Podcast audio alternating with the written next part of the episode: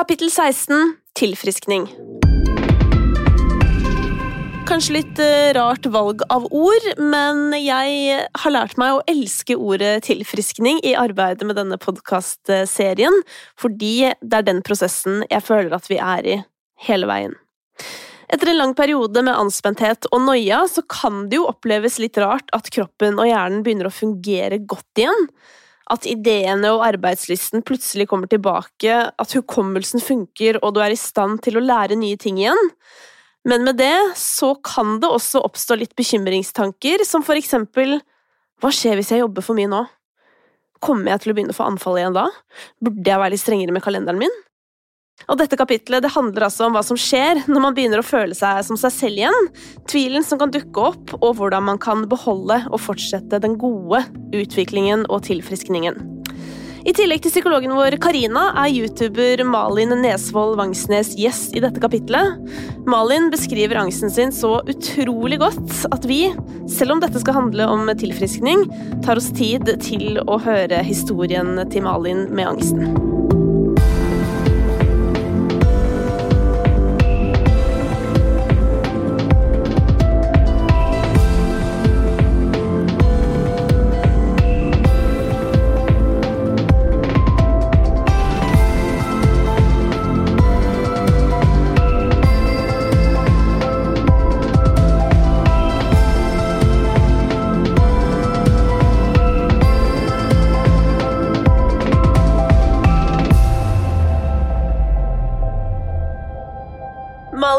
Nesvold Vangsnes, du er fra Holmestrand, 28 år, tekstforfatter og YouTuber. Mhm. Velkommen hit. Mm -hmm. Tusen takk. Du, eh, hvordan har din angsthistorie forløpt? Ok, la meg starte Jeg kan kanskje starte med min første angstanfall, tror jeg. Mm. For det var på en måte da hele jeg føler angsthelvete starta. Da, det var liksom i løpet av bare ja, noen timer så var livet snudd på huet, følte jeg. Og mm. det var eh, for jeg vet ikke hvor mange det Fire-fem år siden tror jeg det er nå, da jeg gikk på Westerdals og studerte for å bli tekstforfatter. Mm. Eh, og hadde eh, I forkant, på en måte, av første, det, mitt første angstanfall, da, eh, så eh, var jeg veldig nervøs fordi vi skulle sette i gang med tredjeåret på, på Westerdals. Og jeg visste at vi skulle i gang med en veldig sånn stor og viktig oppgave. Uh, og i, liksom i starten, hva skal jeg si altså i sommerferien før jeg skulle begynne på tredje året, så begynte jeg å kjenne noen rare følelser i magen. Jeg var på ferie, jeg var i Frankrike, hygga meg, var i trygge omgivelser. Men begynte plutselig å få sånn der, sånn gråteanfall på kveldene. Var mye nervøs, litt sånn uggen i magen, skjønte ikke helt hva som skjedde. Eh, så alt det her liksom bygde seg sånn opp. Så når jeg da kom første skole da, i tredje klasse, da har jeg gått med de her liksom to år på skole. Mm da er det som at jeg kommer inn i et klasserom og ikke kjenner disse menneskene. Plutselig er jeg redd for dem. Det var så ekkel følelse. Jeg bare kom inn, og jeg var sånn skvetten. Og når, hvis folk var litt brå, så ble jeg redd for plutselig folk i klassen. Og da, da begynte liksom smårakninga, føler jeg. da, At liksom ting begynte å rakne uten at jeg helt skjønte hva som skjedde. Men den kvelden var jo kvelden hvor alt gikk til helvete. Mm. Da satt jeg og så på Breaking Bad sammen med kjæresten min i liksom ante fred og ingen fare, virkelig. Det er sånn, Jeg satt i stuekroken med dyna, godteri, varmeteppe. Det er liksom, det er godkroken min, liksom. Der satt jeg og hygga meg. Og helt ut av det blå så bare er det et eller annet som treffer meg i brystet. Det kjentes ut som en komet. Jeg sier det her hver gang jeg forklarer det, men jeg vet ikke hvorfor. Men det er bare komet står i huet mitt. Som liksom kom, traff meg i brystet og imploderte, på en måte. Sånn ut i hele kroppen. Og det, er, det eneste som jeg klarer å tenke, er ok, hva skjer her nå? Det, det er én av to ting som holder på å skje med meg. Det var jeg helt bombesikker på. Enten så klikker det for meg nå, jeg blir klin hakke gæren, nå kommer det noen og henter meg hvert øyeblikk, og jeg blir lagt inn på et sånn hvitt rom. Jeg så liksom for meg bare ja, ja, hvitt rom, belter, at du bare Og der skal jeg være for alltid resten av livet. Enten det, eller at jeg holder på å daue. At jeg, nå dør jeg hvert øyeblikk. Men, eh, men, men for å si det sånn, dette det aller første, som jeg nå vet er et angstanfall, da, mm. uh, det snudde alt på huet. Så når jeg da våkner dagen etter, så er ingenting det samme. Da er jeg et lite barn. Men hvor lang tid tok det før du skjønte hva det var som hadde skjedd med deg? Eh, Det skjedde faktisk dagen etter, for jeg hadde vært hos legen. Jeg var sykemeldt, jeg glemte å si da, men jeg var sykemeldt i den perioden her bare for å hvile, for de trodde at jeg var litt sliten fra studiene bare. Men da hadde legen min gitt meg et kort sånn, ok, just in case, Malin, her har du et kort til akutt, eh, sånn akuttpsykiatrisk team. Og så ringte jeg de, og så sier de bare, vet du hva? Vi kan sende to på døra di hvis du vil, så kan det komme to stykker nå innen en time, så kan de snakke litt med deg. Så etter en time så var det faktisk to på døra som kom inn eh, og satt i stua med meg, og jeg fortalte alt som hadde skjedd kvelden før, og de bare Nå skal du høre her, det vi tror er at du har fått et angstanfall. Jeg bare Å, hva da? Å, hva betyr det? Hva er det for noe, liksom? Og de bare Det jeg kan trøste deg med, er liksom Det første de sa, var bare sånn Det er ikke farlig. Og det var bare helt nydelig at det var det første de sa. Sånn, det er ikke Mm. farlig. Du følte sikkert du holdt på å dø, men du, holder, du dør ikke av det her. Det går ikke an å dø av det. verste som kan skje, er at du svimer av, og det er ikke noe farlig. Ok. Oh, det var digg. Og så sa de bare sånn, og det vi foreslår nå, er at du på en måte kontakter familien din, sier at nå er du Nå har du det ikke bra. Det kan kanskje være lurt å dra hjem en periode. Og hvis du nå er sliten, og alt sånn, så kan du også dra til psykiatrisk legevakt og få litt ekstra oppfølging og kanskje noe beroligende eller liksom et eller annet sånt. da. Mm. Så det var jo helt snodig å ringe mamma, husker jeg, og liksom bare sånn «Øh, Mamma Liksom fra liksom være dagen før være sånn Ja, ja. sterk og kul, og så, ja, og så dagen etter bare 'Mamma, hjelp meg!' Mm. Helt sånn. Mamma kjører meg til psykiatrisk legevakt. Bare, ja, det var bare så forferdelig. Og så Mm. hjem på sofaen hjemme, og der blei jeg jo liggende veldig lenge og dele seng med mamma, da. Fordi jeg turte jo ikke å sove aleine. Eller være aleine i det hele tatt. Altså, jeg turte ikke å gå på do aleine. Folk måtte følge meg på dass. Altså, alt var jævlig. på en måte. Bare å være til Mm. en periode. Men hva ble vendepunktet ditt, Malin?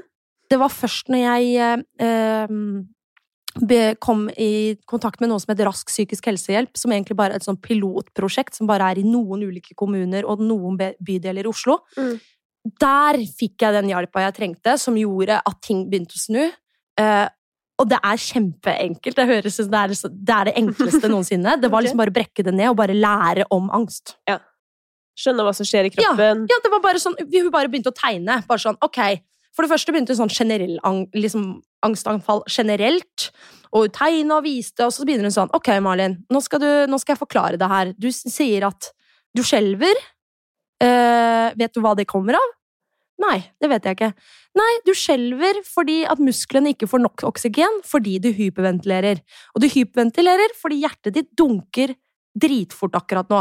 Og hjertet ditt dunker dritfort akkurat nå, fordi det er et senter i hjernen din som er skrudd på som utløser masse hormoner og adrenalin og alt mulig. Og det er ikke noe farlig, men det er Og det senteret i hjernen er egentlig det Du trenger det senteret, ikke sant? Hun begynner å forklare, bare brekke ned de her tinga, da. Mm. Og sånn eh, begynte det sakte, men sikkert å på en måte snu. Ja. At når jeg begynte å kjenne de der følelsene i brystet, eller begynte å prikke litt, eller litt skjelve, eller sånn, så var det litt sånn Ok, og dette tar tid, altså, det er ikke sånn at snu, eh, skjer i en eh, sving, men det kom jo til et punkt hvor man etter hvert bare klarte å si sånn Ok, halloisen, der var du, eh, eklefølelsen. Ja. Eh, den er grei. Jeg orker faktisk ikke å bry meg om den følelsen der akkurat nå. Jeg er opptatt her. Jeg holder på med noe annet mye gøyere enn det der. Og da forsvinner det, utrolig nok. Men hvis jeg bare fokuserer på noe annet, og på en måte ikke er redd for følelsen, jeg bare aksepterer at den er der, ikke noe farlig, freser videre Ja, så at, eh, det jeg må sørge for nå, er jo hele tiden bare å liksom ta hensyn.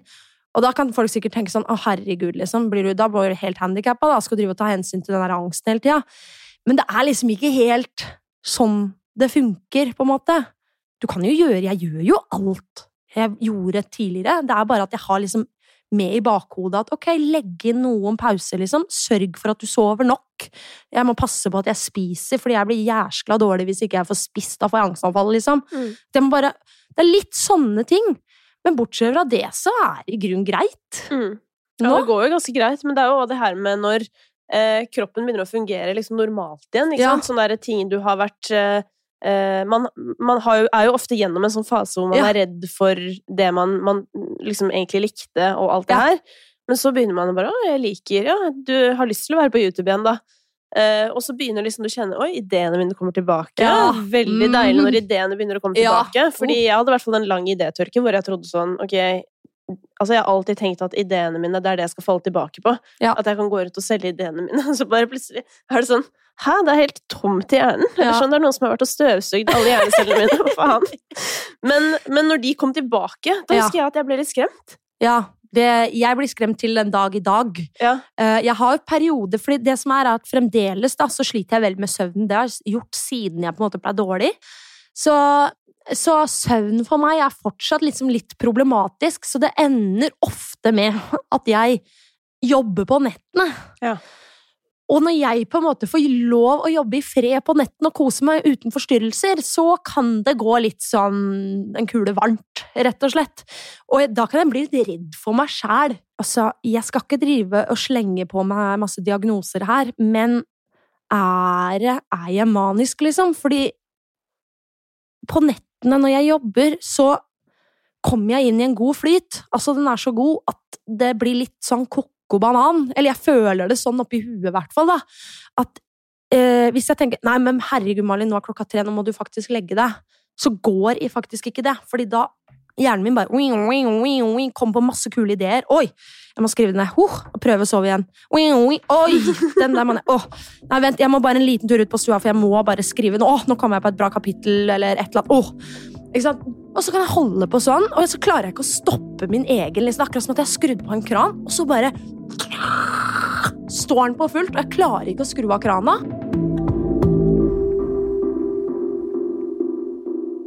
Nå får jeg lyst til å bringe inn psykologen vår, Karina Paulsen. Karina, hva er det som skjer med Malin når hun beskriver at hun føler at hun blir manisk?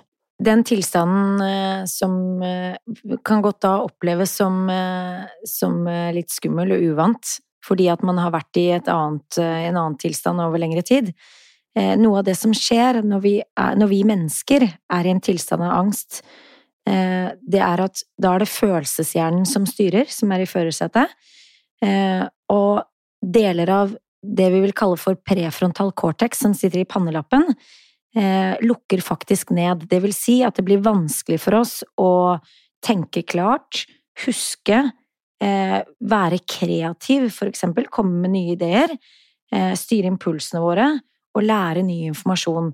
Så man kan godt fortsatt for eksempel ha en skapertrang eller ønske om å bidra, eller eh, Men det er ikke sikkert at den muligheten er der på samme måte. Og dette er helt ufarlig, det er reversibelt, og det er nettopp i kraft av å være i angsttilstanden.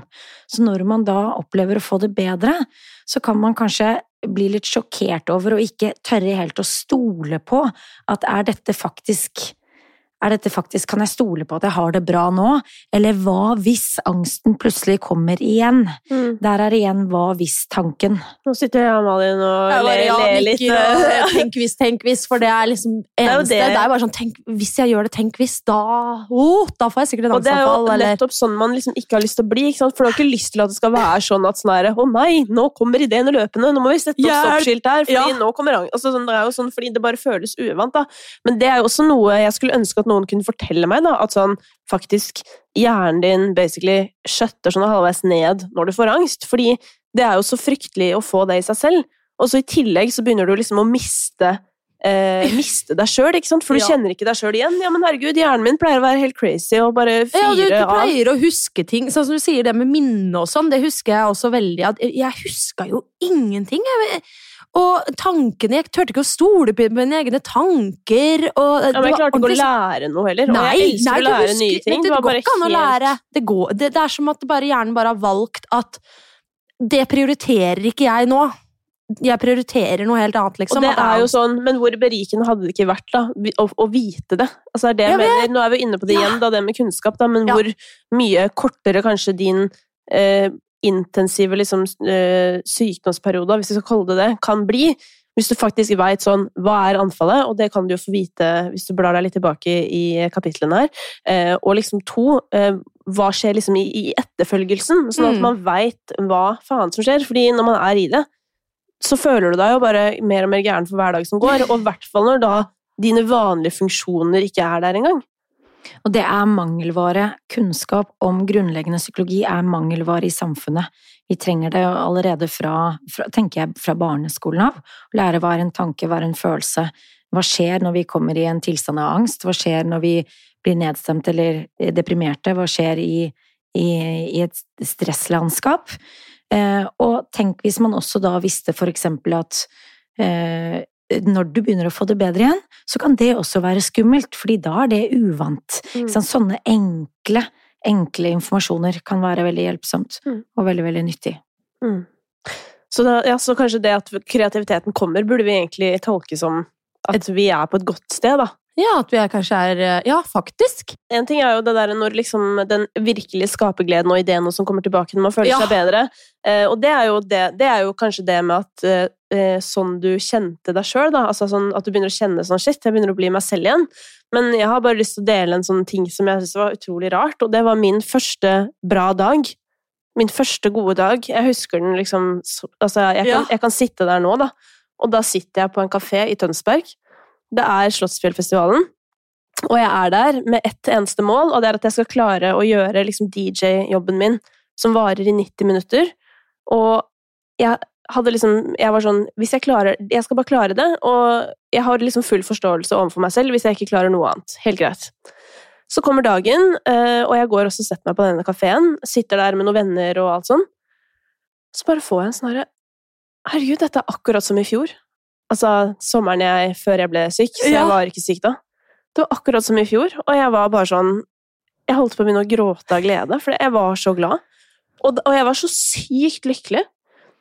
Og det, for meg, var dritrart! Mm. Fordi jeg er ikke en person som blir sykt lykkelig av å være i normale situasjoner. Altså, Forstår du hva jeg mener? Mm. Og det er liksom noe som har blitt nytt med meg. da. Det, har blitt, det er noe jeg erfarer nå, ikke dritofte, men liksom som jeg erfarer liksom overraskende ofte. Øyeblikk av, eh, som, av liksom total lykke, nesten.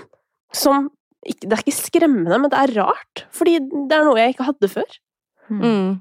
Jeg føler at man setter så mye mer pris på ting. Da. Det man sier hvis man skal tenke at det er noe som har kommet positivt ut av å ha vært gjennom en sånn periode i livet, så er det bare at for meg så betyr alt mye mer nå. Mm. Jeg setter så pris på hver minste lille ting. Altså Bare det å stå opp om morgenen og tenke at det går greit, altså at jeg har lyst til å gå ut av senga, at jeg ikke, har, at jeg ikke våkner med en klump i magen. liksom. Det Mm. er så nydelig. Men det er jo sånn, det er jo sånn som man tenker sånn der, at det er sånn gamle folk har, men så får man det i ung alder, da. Men Karina, altså, du, du er jo psykolog og snakker jo med mange som har vært gjennom det jeg og Malin har vært gjennom, eh, og har jo erfaring med det sjøl sikkert òg. Man har jo alt, alle har jo sitt. Ikke meg. Eh, Ikke. Alle utenom meg. Men, men for det er jeg nysgjerrig på. ikke sant? Alle har jo sine eh, liksom, positive ting de kan trekke ut av å ha en sånn erfaring. Men liksom generelt sett, hva er det liksom folk Um, som oftest sitter igjen med som en sånn god lærdom fra den, en sånn uh, prosess? Det kan være flere forskjellige ting, men jeg tenker at det dere bringer frem som takknemlighet, takknemlighet for, uh, for det hverdagslige, uh, for en vanlig dag, for det man allerede har, som vi ganske lett kan komme til å ta for gitt, og som er her, Mm. allerede tilgjengelig for oss. Det blir plutselig tydelig, så livet får litt en annen, litt en annen eh, betydning, en annen tyngde, en annen dybde, en annen eh, Ja, en annen mening, på en eller annen måte. Føler ikke du det òg, Kristine? At liksom at Eller jeg føler i hvert fall det, at nå, etter å på en måte kjent på eh, det vonde, så er liksom gledene bedre, om det går an å si det sånn. At jeg gleder meg mye mer over det som er bra, da. Kjenner du på det? Ja, absolutt. Altså, den takknemligheten kjenner jeg i hvert fall på. Jeg eh, må jo innrømme at jeg har mest sannsynlig eller sånn, vært utrolig utakknemlig sånn opp igjennom. Uh, altså sånn Ja, men altså vært litt sånn derre har syntes det har vært litt gøy å liksom klage over ting og har liksom kanskje dyrka litt eh, negativitet på en eller annen måte, da. Mens når du har vært inni noe som er så jævla mørkt, så er på en måte det å skulle dyrke negative ting, det er virkelig ikke aktuelt å bruke tiden på samme her, Mens før så var det noe jeg kunne nesten synes var litt sånn gøy på en eller annen måte. ja, Men, det er kult å være pessimistisk og ja, litt sånn. ja, og nå er det bare sånn Nei, det orker jeg ikke. Møtet med motgang kan nettopp utstyre oss med et nytt sett briller, som gjør at vi ser andre ting. Som har vært der hele tiden, men vi, det blir plutselig tilgjengelig for oss. Mm. Jeg vil jo egentlig trekke fram sånn at jeg føler at jeg får kontakt med mennesker på en ny måte. Skjønner Mm. du hva jeg mener da? Mm. Hva er det, hva er det som gjør det? Altså, jeg føler at jeg, at jeg kan At jeg er i samtaler på en annen måte enn før. Jeg tenker at det nettopp handler om det nye brillesettet, Mm. som gjør at du, eh, i kraft av din erfaring, ser noe helt annet i de samtalene du er i, som også var der før du var i dette mørket. Mm. Men eh, nå er det tilgjengelig for deg på en annen måte. Tror jeg. Men også sånn i forhold til eh, når man møter annen type motgang, da. Takler du det annerledes nå, Ja. Malin? Ja, ja, ja, ja. Det er liksom som at nå er jeg veldig lite redd for ting. Ja, sånn jeg føler meg nesten uovervinnelig, på en Mm. måte. Noen ganger. At det er litt sånn Ja, ja, men uh, jeg har stått i en storm før, på en måte, at Mm. dette den tar jeg, fordi hallo, jeg husker den gangen jeg hadde det angstanfallet og trodde jeg skulle dø. Det her kan jo ikke sammenlignes. Så, det blir jo ofte at man sammenligner det med liksom den verste tingen, Mm. Uh, og det er jo helt nydelig. Det funker i hvert fall for meg, så Mm. nå er jeg veldig lite redd, altså. Mm. Det setter jo ting i perspektiv Ja. liksom, på flere måter, da, og nettopp sånn derre eh, og typ liksom brekke et bein, da, som Ja. fort kunne blitt en skikkelig krise. Sånn der, nei, jeg får ikke trent på Ja, ja. For meg, i hvert fall. Det kunne vært Nå er det litt sånn der Ja, men jeg har faktisk hatt panikkangst, så jeg Ja, kan men jeg husker, jeg husker da jeg lå på mitt dårligste, så tenkte jeg sånn, kan ikke noen bare Altså, seriøst, jeg kunne bytta ut det her med bare at dere knekker begge armene og beina mine. Jeg kan godt Mm. sitte i rullestol i et halvt meg, liksom. år og være på Sunnaas, liksom, og rehabiliteres, enn å ha den følelsen her, for jeg orker er, Jeg må vekk. Mm. Og det er som du føler liksom at du er fanga i din egen kropp, og du vil bare vekk fra det greiene her. Ut! Jeg orker ikke å være inni her. Og så kommer du jo fader, du kan jo ikke flykte fra deg sjøl! Åh, Men det Det er er jo, det er jo Dette er kanskje et rart eh, spørsmål, eh, Malin, men én ting er jo kreativiteten og følelsen av at man tidvis er manisk og sånn, men Ja. Hva har eh, vært den største utfordringa for deg med å på en måte bli Nå sier jeg gåstein frisk, for jeg liker å snakke om oss som at vi er jo friske, Mm. vi går rundt på gata, men vi har jo da dette Ja, ja, men vi er jo friske sånn sett. Uh, ja, hva som er den største utfordringa med å bli frisk? Mm. Uh, det kan jeg for så vidt uh, når, jeg, når jeg tenker meg om. Jeg hadde en liten periode der hvor jeg trodde jeg var kjempefrisk. Eh, imellom to på en måte faser hvor det gikk ned, da. Så var det en liten sånn opptur hvor jeg tenkte sånn Jeg husker jeg på en måte gikk ut blant folk og sa 'jeg er kvitt angsten'. Jeg er kvitt den for alltid. Mm. For det var det jeg trodde da, at man kunne. Så jeg ble jo jævlig overraska når den angsten plutselig var tilbake, og verre enn noensinne. Da var det bare sånn wow! Jeg trodde jeg var kvitt det, jo! Det var jo det psykologene de sa jeg var liksom frisk og greier. Jeg trodde det var liksom som et skrubbsår, at når det først har grodd, så er det borte. Mm. Eh, og så var det jo ikke sånn, så da fikk jeg meg en skikkelig trøkk, men Ja, så sånn at man på en måte får en forventning om at det, at det skal bli borte. den der aksepten, det var det jeg skjønte da på runde nummer to, at oi, jeg blir ikke kvitt det, kanskje. Den kommer til å være med meg for alltid. Og I starten var jo det en forferdelig tanke, men så etter hvert så, så klarte jeg på en måte bare ok, men da, nå må jeg bare nå må jeg sette inn støtet og prøve å gjøre det beste ut av det her, liksom.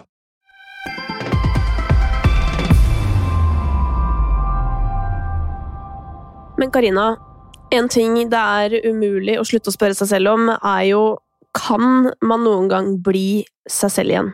Eh, det kommer jo an på hva de legger i å bli seg selv, men jeg vil absolutt svare ja.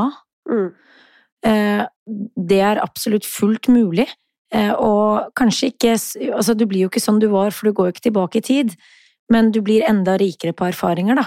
Og du har en ryggsekk med så mange verdifulle erfaringer som nettopp Og eh, brilleglass, som Mm. gjør at du eh, Du har mulighet og evne til å sette pris på det som er, og som Malin så fint sier, at eh, i, til sammenligning da, med de verste panikkangstanfallene, så er det ingenting annet egentlig som kan vippe en av pinnen. Eh, og det er jo en utrolig god følelse, Mm. det også. Så jeg tenker at det er ingen grunn til å være redd for at man ikke skal få det bra igjen. Fordi jeg tenker det hadde vært veldig lite bra utgangspunkt for min jobb, i hvert fall. Hvis det var sånn det fungerte. Det hadde vært dårlige utsikter. Ja. men eh, det er jo òg Jeg vet ikke om du kjenner deg igjen i det, Malin, men sånn derre at eh, man er på en måte blitt bedre, og det er kanskje lenge siden sist man hadde et anfall, da. Eh, Men så er det akkurat som på en måte fortsatt de koblingene i systemet liksom, de Det er noen som har glemt å dra ut den ledningen, hvis du skjønner. Så plutselig da, så har du liksom litt vondt i skulderen, da. så bare Oi, nå har det plutselig litt vondt i hjertet. Og så bare Det liksom begynner av seg selv. Det føles som på en måte selv om hjernen min har kommet til et sted hvor den forstår ting, så er det akkurat som kroppens signaler fortsetter å drive og melde hverandre. Ja, men det føles som det er litt sånn automatisert noen ganger. Som at liksom, ok, hvis du kjenner den følelsen, så skal disse tingene også komme. Så er det akkurat som man skaper det litt selv. At ok, jeg kjenner at nå dunker hjertet. Det betyr jo at jeg snart begynner å ikke føle at jeg ikke får puste. Kan jeg garantere deg at jeg får ikke puste med en gang. Men det er Liksom. ja, og det er akkurat derfor jeg også, som du nevnte tidligere, Mm. er veldig nøye med spising. Ja. Fordi resultatet av å bli sulten for meg, da starter kroppens prosesser ja, ikke sant? og begynner å minne om et angstavfall. Eh, kommer de der eh, koblingene til å, å forsvinne? Altså sånn, Slutter de å reagere på hverandre på et eller annet tidspunkt, eller?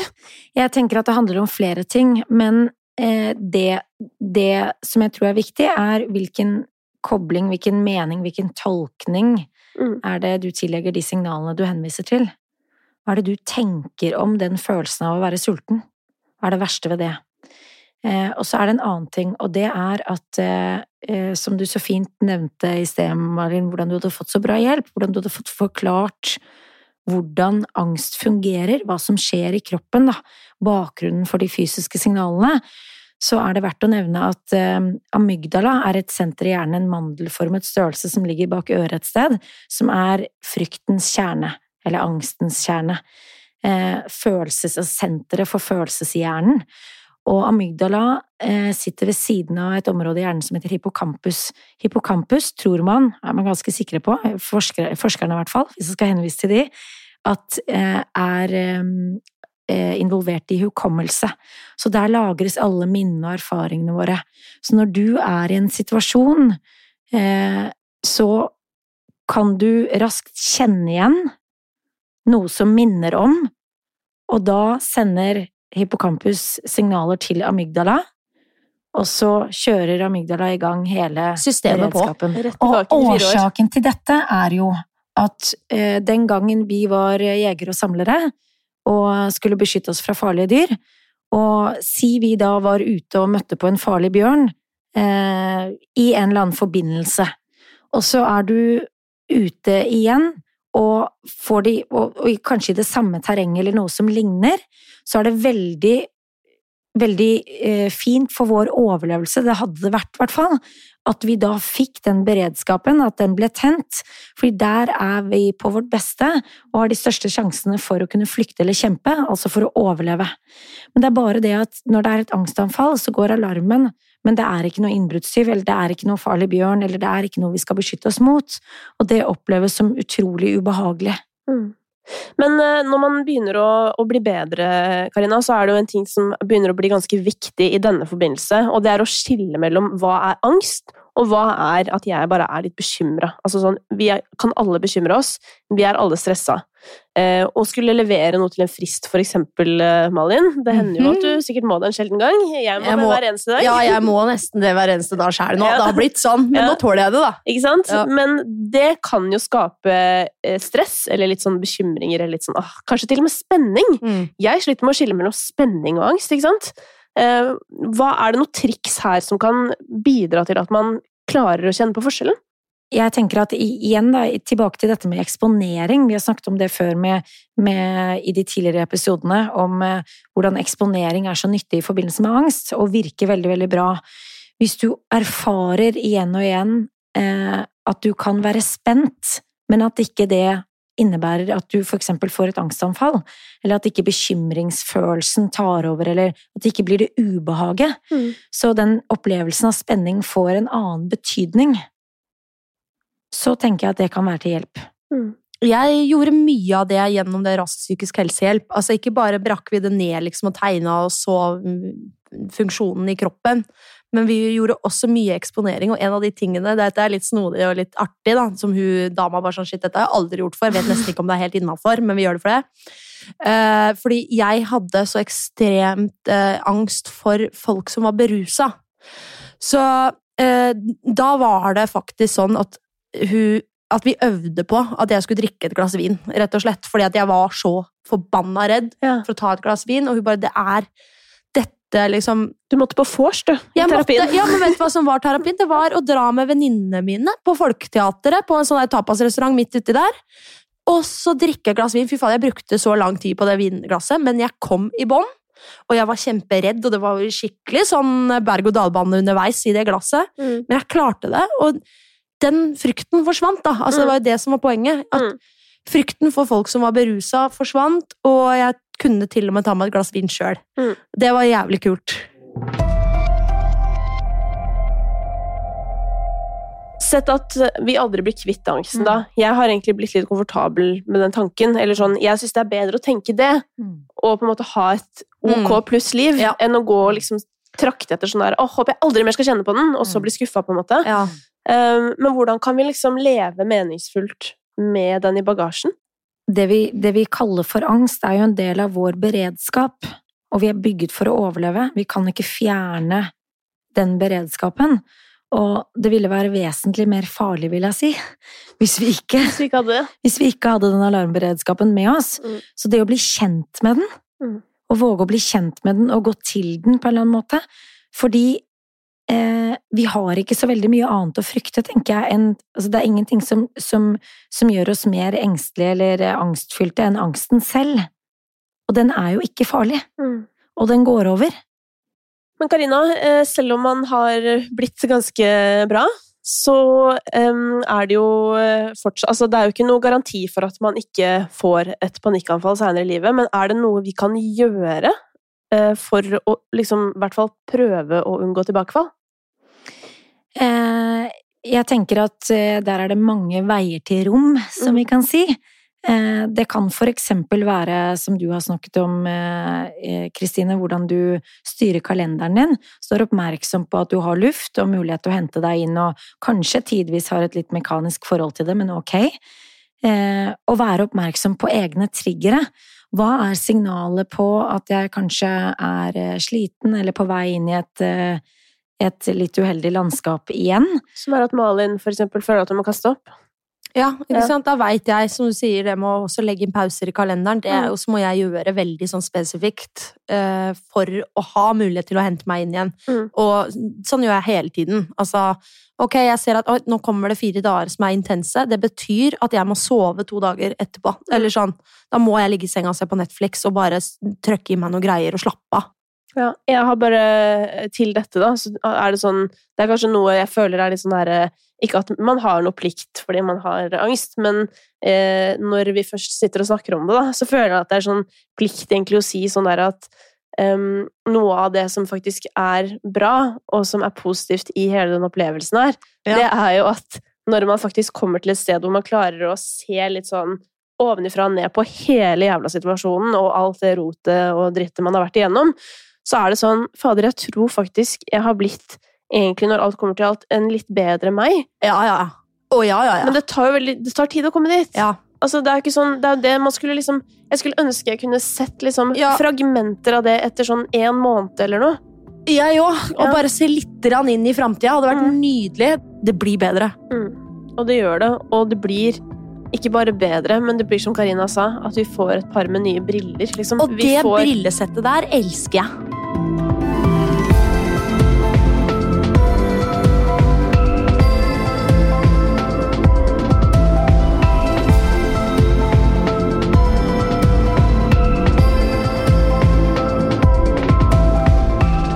Var foreløpig siste kapittel av Noia, men vi beholder boka åpen for eventuelle nye kapitler. Har du innspill eller reaksjoner du har lyst til å dele, gå til noiapodkast.no. Tusen takk til Ekstrastiftelsen og Rådet for psykisk helse.